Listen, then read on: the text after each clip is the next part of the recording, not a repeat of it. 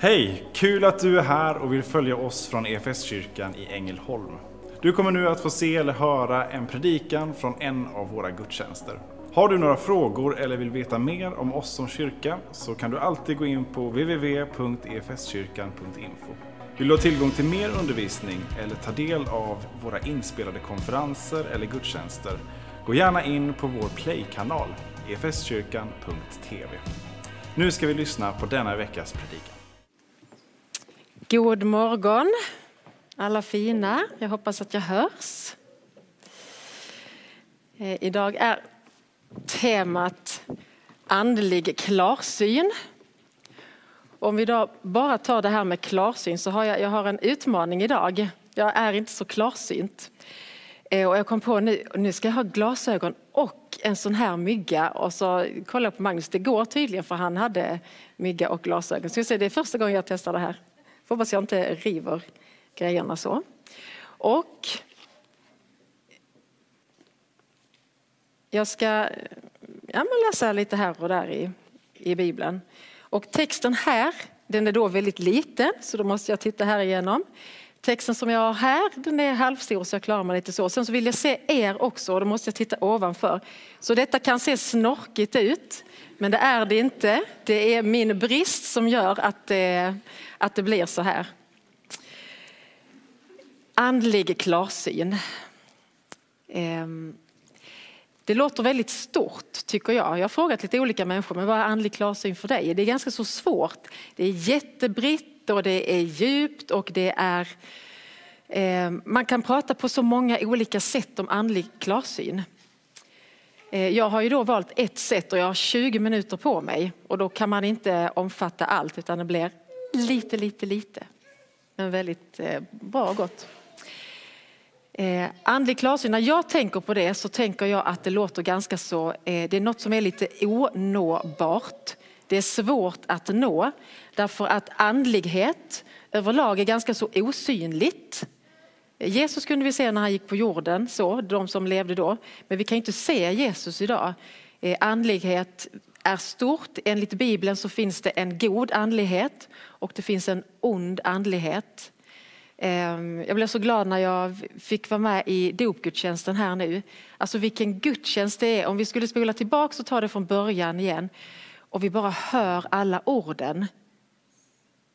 Jag tänkte specifikt på när Magnus sa ehm, och Gud har sänt sin son Jesus för att rädda oss ifrån det onda.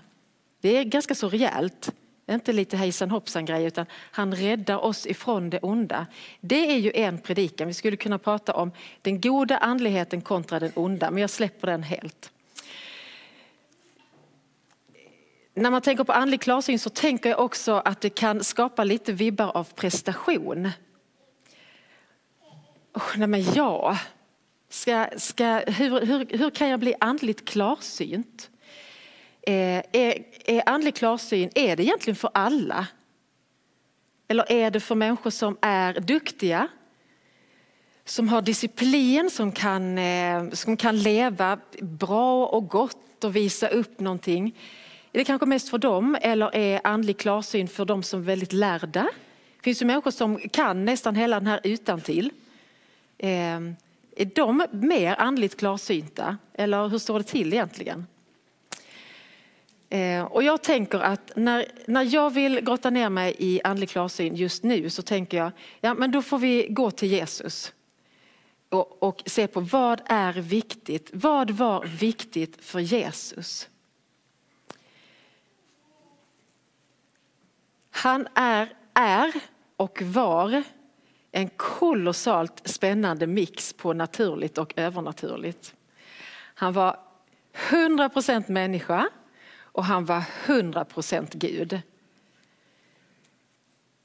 Och någonstans i det flowet får vi ju vara. Vi är 100% människor. Men vi är definitivt inte 100% Gud. Men vi har ju en fantastisk förmån och det är att vi får leva med Guds heliga ande inom oss varje dag. Så vi ska vara ytterst tacksamma för att Jesus valde att dö och uppstå och inte bara dö. Det hade, då hade det inte varit speciellt mycket. Men han uppstod, han valde att dra sig upp till himlen igen. Och det är precis så det ska vara. Han finns där och så har han lämnat sin heliga ande. Och det är för alla. Vet, allas hand, vi hade ju fått stå i kö. Men nu vill jag träffa Jesus en stund och jag vill träffa Jesus en stund. Men nu har alla tillgång och den är så stor den tillgången. Eh, så vad var viktigt för Jesus? Det första som var extremt viktigt för honom, som jag kan se när jag läser Bibeln, det var att han valde att bli omhändertagen. Han kom hit som ett litet barn och han hade dött inom några timmar om ingen hade tagit hand om honom. Det var bara tvunget att det fanns en mamma och en pappa som gjorde något vettigt för honom. Eller någon slags vuxen som, som kunde ta hand om honom. Så han la sig i detta ganska så, han höll på att dö många gånger under sina första år. Det var liksom inget, inget enkelt liv. Men han överlevde det. Eh, när han var ett lite större barn så kan vi läsa att han växte. Och han växte i något så fint som vishet och styrka. Tänk att få växa upp och så växa i vishet och styrka. Sen får vi läsa om honom i templet och då är han 12 år gammal. Och när hans familj ska eh, dra hem från Jerusalem så, eh, så inser de att nej, men vår 12-årige son Jesus, han är inte med. Var är han? Som förälder så blir man ju förmodligen jätterädd. Jag hade blivit jätterädd. Och hur många dagar tog det för dem att hitta honom? Kommer ni ihåg det? De sa, tre dagar. De fick leta i tre dagar efter sin pojke. Jag kan tänka mig att de var liksom helt på gränsen till att så. Och så ser de honom sittande i templet. Och då gör han något väldigt unikt för att vara en tolvåring. Jag tänker, tänk om fler tolvåringar hade gjort så idag. Det hade varit något. Han lyssnade. Den är grym och det behöver vi alla. Han satt i templet och lyssnade på människor som hade goda saker att säga. Och sen så ställde han också frågor. Det är en vansinnigt bra kombo. Eh, tänk om vi hade blivit bättre på att lyssna och ställa frågor. Alltså man får ut jättemycket av det. Sen blev han större. Jag antar att han gick i skolan. Det gjorde väl alla barn på något sätt. Eller inte, nej, det gjorde de inte alls. Det är jättemånga barn som inte går i skolan. Men jag tror att han fick någon slags eh, utbildning. Han fick ett yrke, förmodligen då snickare, för han var snickarson. Säkert jätteduktig i sitt yrke. Eh, han hade ju eh, en familj med syster och systrar, bröder och mamma och pappa. Han var inte gift, han hade inga egna barn. Ehm, och sen när vi då kommer till offentligheten, det är nu man börjar kunna verkligen läsa om vad han hittar på för någonting. Han var 30 år gammal när det började pratas om honom. Innan dess så var det mer att folk förundrades. Ja, han verkar lite småvis den där killen, lite extra. Men när han blev 30, då är det första han gör, står det här. Jag, eh, av någon anledning, jag vet inte varför, så börjar jag läsa eh, Markus, första kapitlet så, så jag stannade där. Så det blir Markus 1, 2, 3 här nu i en väldigt eh, kort. Då står det, eh, ja, först, han döps och han frestas. Sen så kommer Jesus till Galileen och så förkunnar han Guds budskap. Det är viktigt för honom. Jesus förkunnar Guds budskap. Tiden är inne, Guds rike är nära, omvänd er och tro på budskapet. Sen fortsätter det här då när han gick. Jesus var kolossalt bra på att gå. Det fanns inga bilar, inga motorcyklar, inga cyklar. Ehm, han gick och gick och gick. Ehm, jag tror inte han gick för att liksom mäta sina 10 000 steg utan det var liksom, han rörde sig hela tiden. Ehm, han gick eh, längs sjön. Så gick han i sädesfälten, han gick mellan städer. Ibland så gick han upp eh, på ett berg. Hände lite nu och då. Ibland så gick han ner i en dal. Han rörde sig hela tiden och i den här rörelsen så var han liksom inte så här, ja men nu går jag. Jag går omkring här. Utan han var seende. Jag älskar det med Jesus. Han såg. Så det första vi läser här det är att När han gick ut med Galileiska sjön så fick han se. Och vad ser han? Han ser människor. Det är också väldigt bra. Han såg säkert omgivningen och tyckte att allt var dödsfint och vackert och så. Men han ser människor. Och de har till och med namn. De heter Simon och Andreas. Och när ser han dem? När de står och arbetar på sitt arbete mitt i vardagen.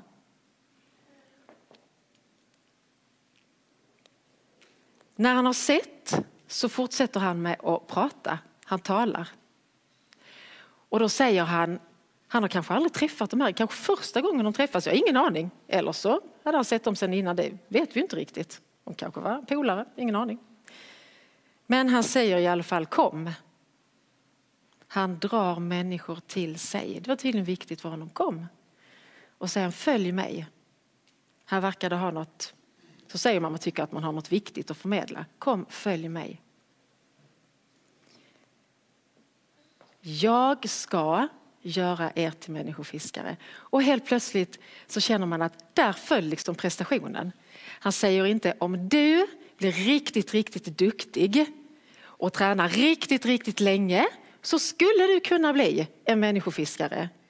Han säger bara helt enkelt, jag ska göra dig till människofiskare. Han lägger allting på sig. Jag gör. Och så får du göra tillsammans med mig.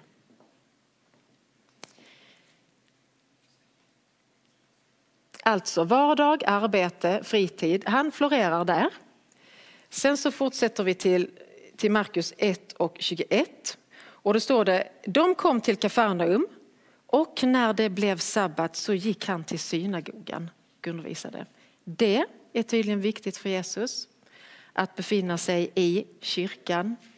Judarnas synagoga, vi som kristna kyrkan. Det var en viktig plats för honom att finnas på.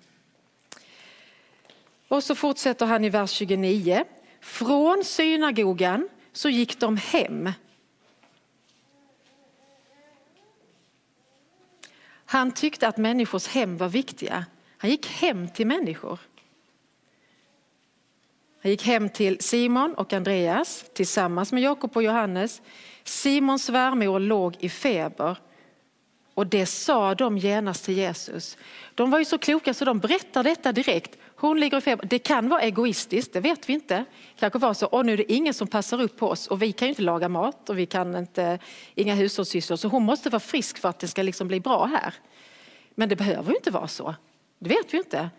Utan de kanske bara ville berätta att hon är sjuk, hon har feber, vi vill inte att du ska bli smittad.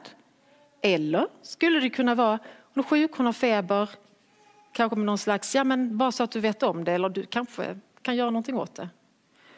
Och vad gör Jesus? Han botar henne. Han tar henne vid handen och reser henne upp och febern lämnade henne. Detta sprider sig och på kvällen så är det så mycket folk utanför det här huset så att det är toktrångt därför att alla har ju hört Jesus, men han, han gör någonting för människor och de blir friska. Vi tar hit de som är sjuka och han botar. Han botar jättemånga där på kvällen. Sen så fortsätter vi till vers 35. Då står det tidigt nästa morgon medan det ännu var mörkt gav han sig av därifrån och gick bort till en enslig plats och där bad han. Eh, man skulle kunna göra en teologi av det här att det är viktigt att gå upp tidigt och det är viktigt att det är mörkt och det är det förmodligen inte. För Jesus del så var det ju förmodligen för att det var så mycket folk kvällen innan så han bara kände ah, jag måste dra iväg, jag måste få vara på en plats där jag får vara själv. Jag får, jag får gå upp innan de andra går upp helt enkelt. Då är det ändå så att de drar iväg efter honom. Men han, han hinner liksom få en stund där han hinner få be. Och vi vet inte vad han gör eller hur han gör det. Men jag tänker att han behöver en stillhet för sig själv. Eh, jag tror inte i första hand att han, sitter att, sök, att, han, att han söker i sitt inre. Det gör han kanske, för han är ju Gud. Men jag tror inte det är det som är poängen. Jag tror inte heller han strävar efter att oh, nu vill jag bara vara själv för att bara känna att jag blir helt tom. Så att jag har inga liksom press på mig. Jag tror att han är där för att han vill kommunicera med sin fader. Jag vill höra vad du säger. Jag tror att han riktar sig till Fadern. Men Gud, fyll mig med det som jag behöver. I vers 40 så står det en spetälska kom till honom och föll på knä och bad. Vill du så kan du göra mig ren. Han frågar inte, kan du göra mig ren Jesus? Utan, för han vet det. Han fattar, han är en smart människa liksom. Okej, han har sett, han har sett massor med människor bli botade. Han fattar om de, om de blir botade, då kan jag också bli frisk. Och jag har en förfärlig sjukdom som jag snart kommer att dö av. Så jag hade tyckt det var roligt. Och vill du Jesus så kan du göra mig ren.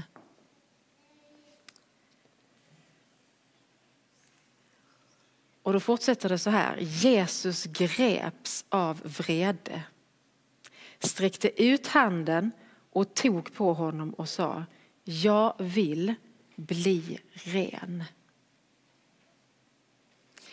Det skulle kunna varit så att, att det hade stått att och Jesus tittade kärleksfullt på mannen eller varmt eller vänligt. Eller, det är det man tänker, Jesus var väl en snäll, vänlig person. Nej, då tittar Jesus med vrede. Alltså, varför gör han det? Och då tänker jag, skulle vilja säga så här, och det hörde jag i en predikan för eh, typ tre veckor sedan. Det var Björn Hedström här och predikade. Jättebra. Det jag tog med mig mest av den predikan är tre ord, eller egentligen två. Men tänk själv.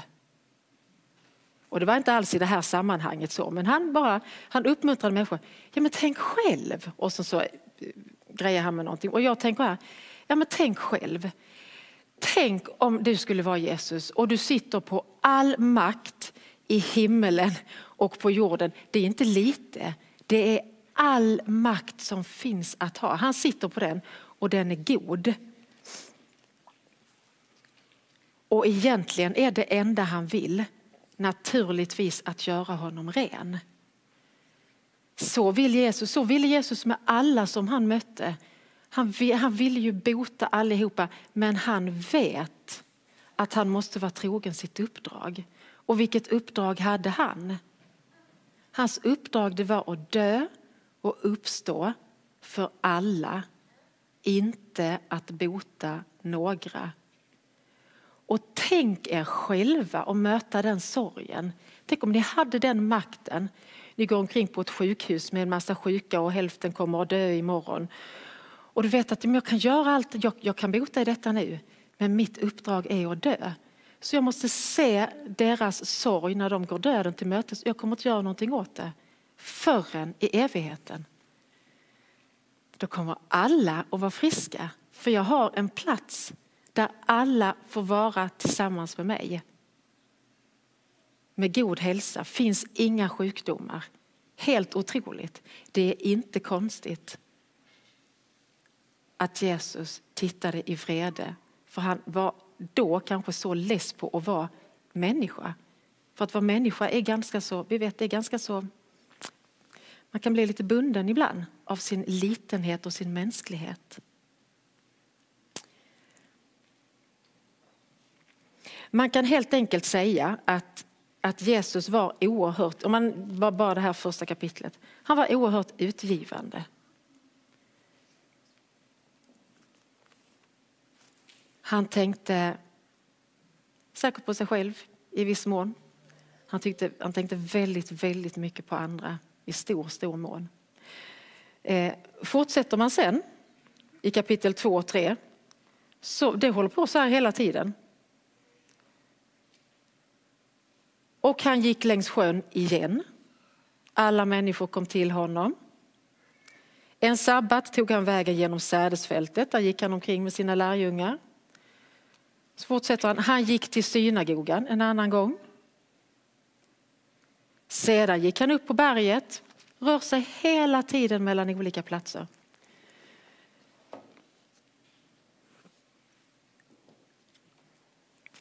Så det är ju han fokuserar alltså kring eh, människors arbete, människors fritid, vardagsliv. Han var i kyrkan, han var hemma och han sökte upp de enskilda platserna. Det verkar som att precis hela livet var viktigt för Jesus. Det verkar inte så som att säga, att det är jätteviktigt att vara hemma jättemycket eller det är jätteviktigt att vara i kyrkan jättemycket. Eller det är jätteviktigt. Utan allt, allt hade tydligen ett värde. Och var än Jesus befann sig så var han verksam.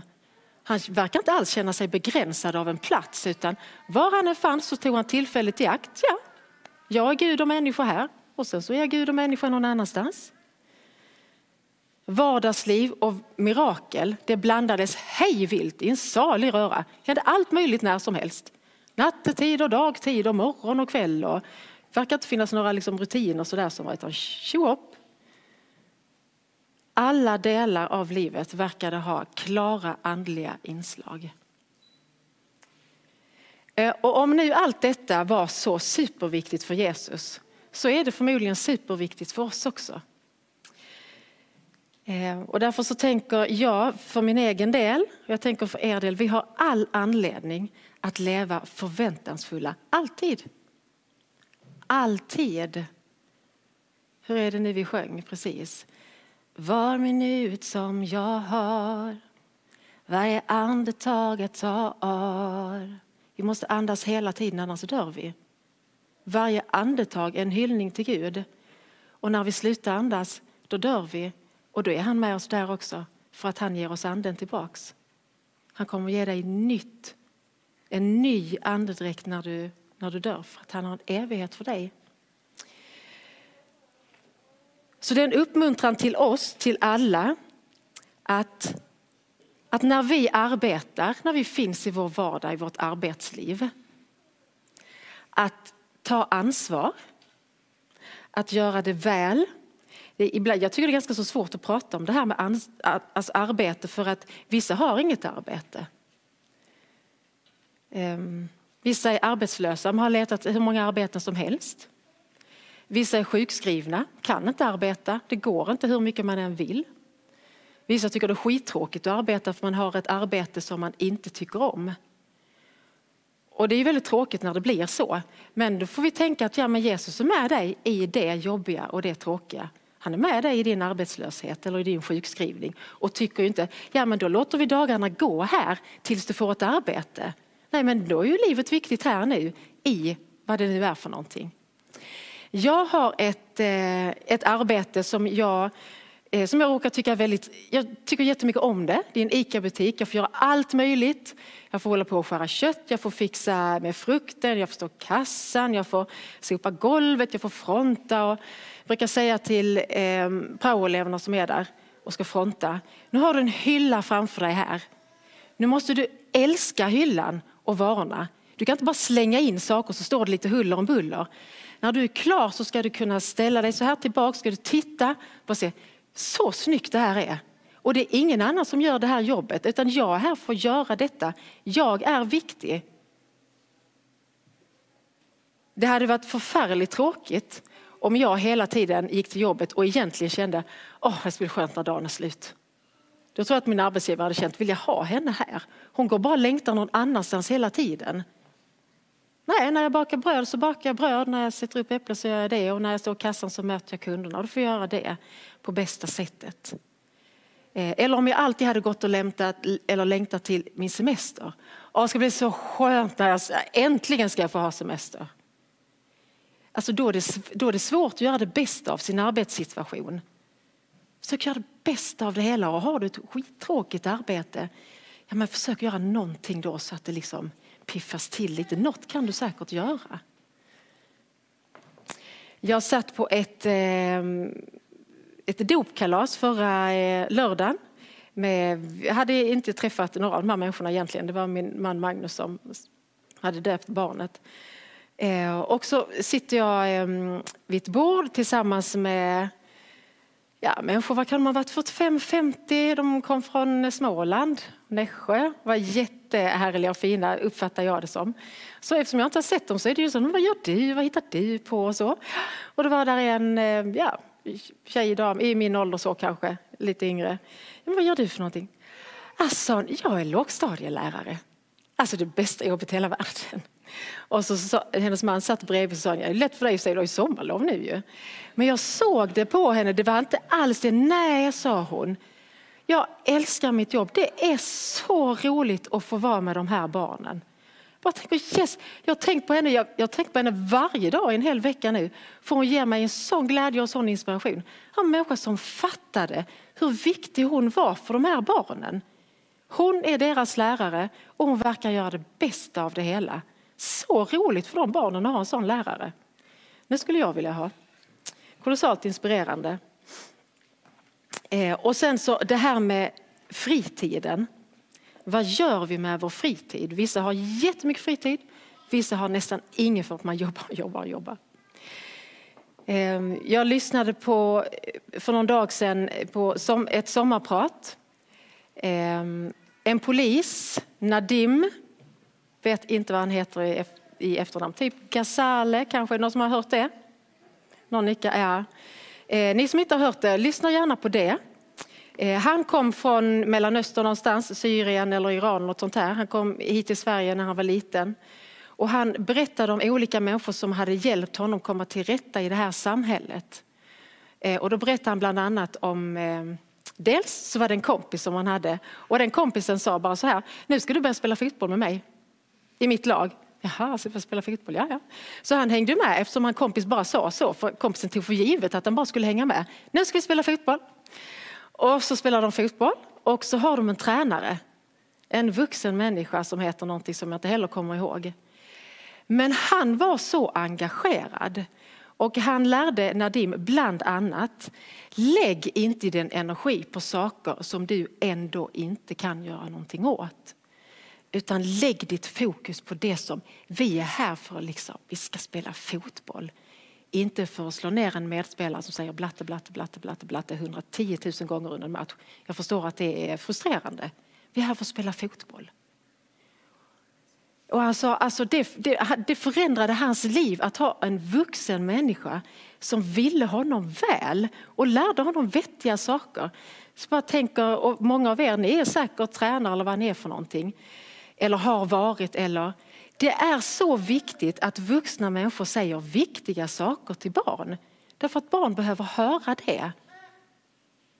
Det är tokviktigt att vi har människor här i kyrkan som tänker att jag vill jättegärna vara söndagsskolledare för jag vill berätta om Jesus för barn.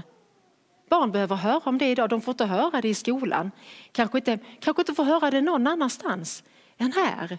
Det är fantastiskt att vara söndagsskollärare och berätta det för barnen. Det finns alltid något att säga. Jesus är stor. Det finns massor att ha, prata om. Hemmet. Ehm, vi har olika hemsituationer. Vissa lever ensamma. Man känner att min, ensamheten kväver mig. Jag vill inte bo ensam, men nu gör jag det. Eller så njuter man av sin ensamhet. Det är väldigt olika. Ehm, vissa har en jättestor familj och det är jättehärlig atmosfär. Eller vissa har en jättestor familj och det är, det är liksom tvärkaos. Man orkar ingenting. Eh, då får vi tänka att Jesus är med oss i våra hem därför att det är en viktig plats för honom. Det är jätteviktigt. Och jag tycker att jag genom åren har, nu är jag ändå 50 år gammal, jag kan liksom känna, ja men har jag hört någonting liksom flera gånger som har kommit tillbaks från olika människor? Det är bland annat det här. Ja men Lotta, hur ska jag... Alltså jag går hemma med mina småbarn. Jag vet inte, ska jag, göra, ska jag bara göra det här? Jag bara tänker, alltså ibland, ibland så får man ju bara, vissa perioder av livet, det är här nere. Måste möta den personen som finns där. Eh, ditt barn, och dina barn, det, det är den man... du är dess mamma eller dess pappa, det är du som ska ta hand om det. Finns det någon finare uppgift just då än att ta hand om ditt barn? Jesus säger det du har gjort för en av dessa mina minsta, det har du gjort för mig. Han tänker det om alla föräldrar tror jag hela tiden. När vi vissa ammar, fixar, donar och håller på här nere. Men det här gör de här människorna för mig för att de här små minimänniskorna, de kan inte själva. Det är ditt uppdrag just då, så gör det med glädje.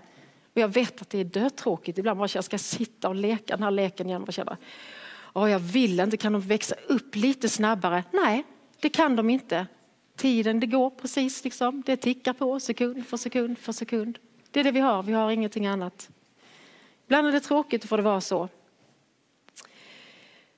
Kyrkan är en oerhört viktig plats, den också. Här är vi, bland annat för att lyssna, gör vi nu. Förra söndagen var jag här och lyssnade på Sara Engström. Hon hade så mycket bra att säga så inte klokt. Jag har, eh, har varit här i många år. Jag har fått lyssna på så mycket bra som har stärkt mig så mycket. Och jag känner i detta nu, när man får vara här, detta är första gången jag är här på ett och ett halvt år och får se att vi är så många, för vi har ju inte fått lov att vara det. Alltså vilken glädje och vilket hopp. Jag tycker det senaste halvåret har känts ganska så, och för, för många människor, vad är det som händer i vår värld? Det skakar något så kopiöst. Och man känner en bävan för så mycket. Så skönt att få komma hit en timme i veckan och känna att jag blir påfylld med hopp. Jag, alltså jag blir påfylld med så mycket hopp från Gud själv, från er som sitter här. Jag får se er, vad fint att få se er på riktigt. Det är en välsignad plats. Vi är här för att se Jesus. Eh, du är här för att se dig själv och, och kanske visualisera hur tänker Jesus om mig? Med vilka ögon ser Jesus mig på? Eh, du är här för att se andra. ska se Jesus, dig själv, andra. Tokviktigt med andra. Det är så, vi, ibland så blir vi alldeles så här, ja, men jag, nej, jag tyckte inte det var så roligt idag. Nej, men det är heller inte jätteviktigt att du inte tyckte att det var så roligt. För vad är ditt uppdrag? Sa vi innan att Jesus var trogen sitt uppdrag till döden. Tills han dog och uppstod. Vilket är ditt uppdrag? Jo, du har ett personligt uppdrag. Det har alla. Det är bara för dig och för dig och för dig och för dig. Ta ansvar för ditt liv. Gör något vettigt av ditt liv om du har möjlighet. Det har de flesta med Guds hjälp så, har vi, så kan vi det. Men vi har också ett gemensamt uppdrag och det är vi som folk och alla andra människor som är kristna i den här världen. Vårt uppdrag är att fira gudstjänst. Det är det viktigaste uppdraget vi har. Sen uppdrag som kyrka, då ska vi ut, hjälpa, prata, se. Jesus säger att kyrkan det är min kropp i den här världen. En kropp består av händer, fötter, öron, näsa, ögon, mun. Alltså består av så mycket, vi ska göra jättemycket. Men gudstjänsten, jag skrev ner tre ord på gudstjänsten. Försaka den inte, försumma den inte och för allt i världen förringa den inte. Om vi fattade vilken gåva och vilken kraft det är att få finnas i gudstjänst oavsett vad vi känner så skulle alla människor på hela jorden fira gudstjänst varje söndag. Helt övertygad. Det finns ingen större kraft i universum än att finnas i det här som gemenskap. Han vill ha ihop oss. Jesus vill ha ihop oss. Och sen så är det det här med avskildheten. Ibland är det viktigt att bara få vara själv med Gud. Det var viktigt för Jesus. Det bör vara viktigt för oss var och en. Det är Inte lätt att hitta de stunderna. Behöver inte vara timmavis. Men de behövs på något sätt så vi får försöka söka upp dem från vänster. Så när jag tänker på andlig klarsyn så tänker jag att det räcker kanske med att ha ett barns klarsyn. Att veta att jag är beroende, inte av mig själv utan någon som är mycket, mycket högre än mig själv. Jesus Kristus, skapare av himmel och jord. Kanske den största andliga klarsynen som, som vi får vara med om. Eh, jag ska avsluta med att eh, sjunga några verser på en sång som heter Gå inte förbi. Med uppmuntran till oss alla att när vi rör oss i livet att vi inte ska gå förbi. När vi går hemma, då får vi gå hemma. Och då är det bra att vi är hemma. När vi går i kyrkan, då får vi vara i kyrkan och det är bra att vi är här. När vi är på vårt arbete behöver vi inte hela tiden längta till något annat. Nu är vi här. Ta vara på det då. Gå inte förbi. Så vi, vi kan bara få blunda tillsammans allihopa. Och se om jag hittar någon. Kan jag ta en mikrofon här Emanuel? Är det bättre eller? Du stänger av. Mm, mm, mm. Skyarna faller på gammal som ung Sommarnatthimmelen faller så tung alla söker något att hålla sig vid. Med hjärtan som viskar gå inte förbi.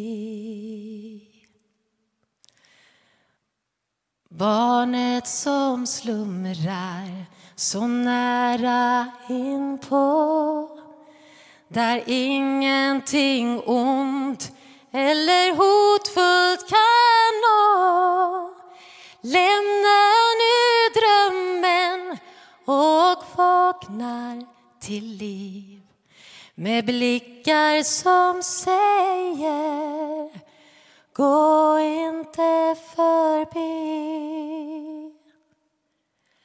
Någonstans där borta, en bit längre fram finns dagar som lovar en varmare famn. Och du vet var jag finns så låt inte bli. Du får inte gå nu. Gå inte förbi.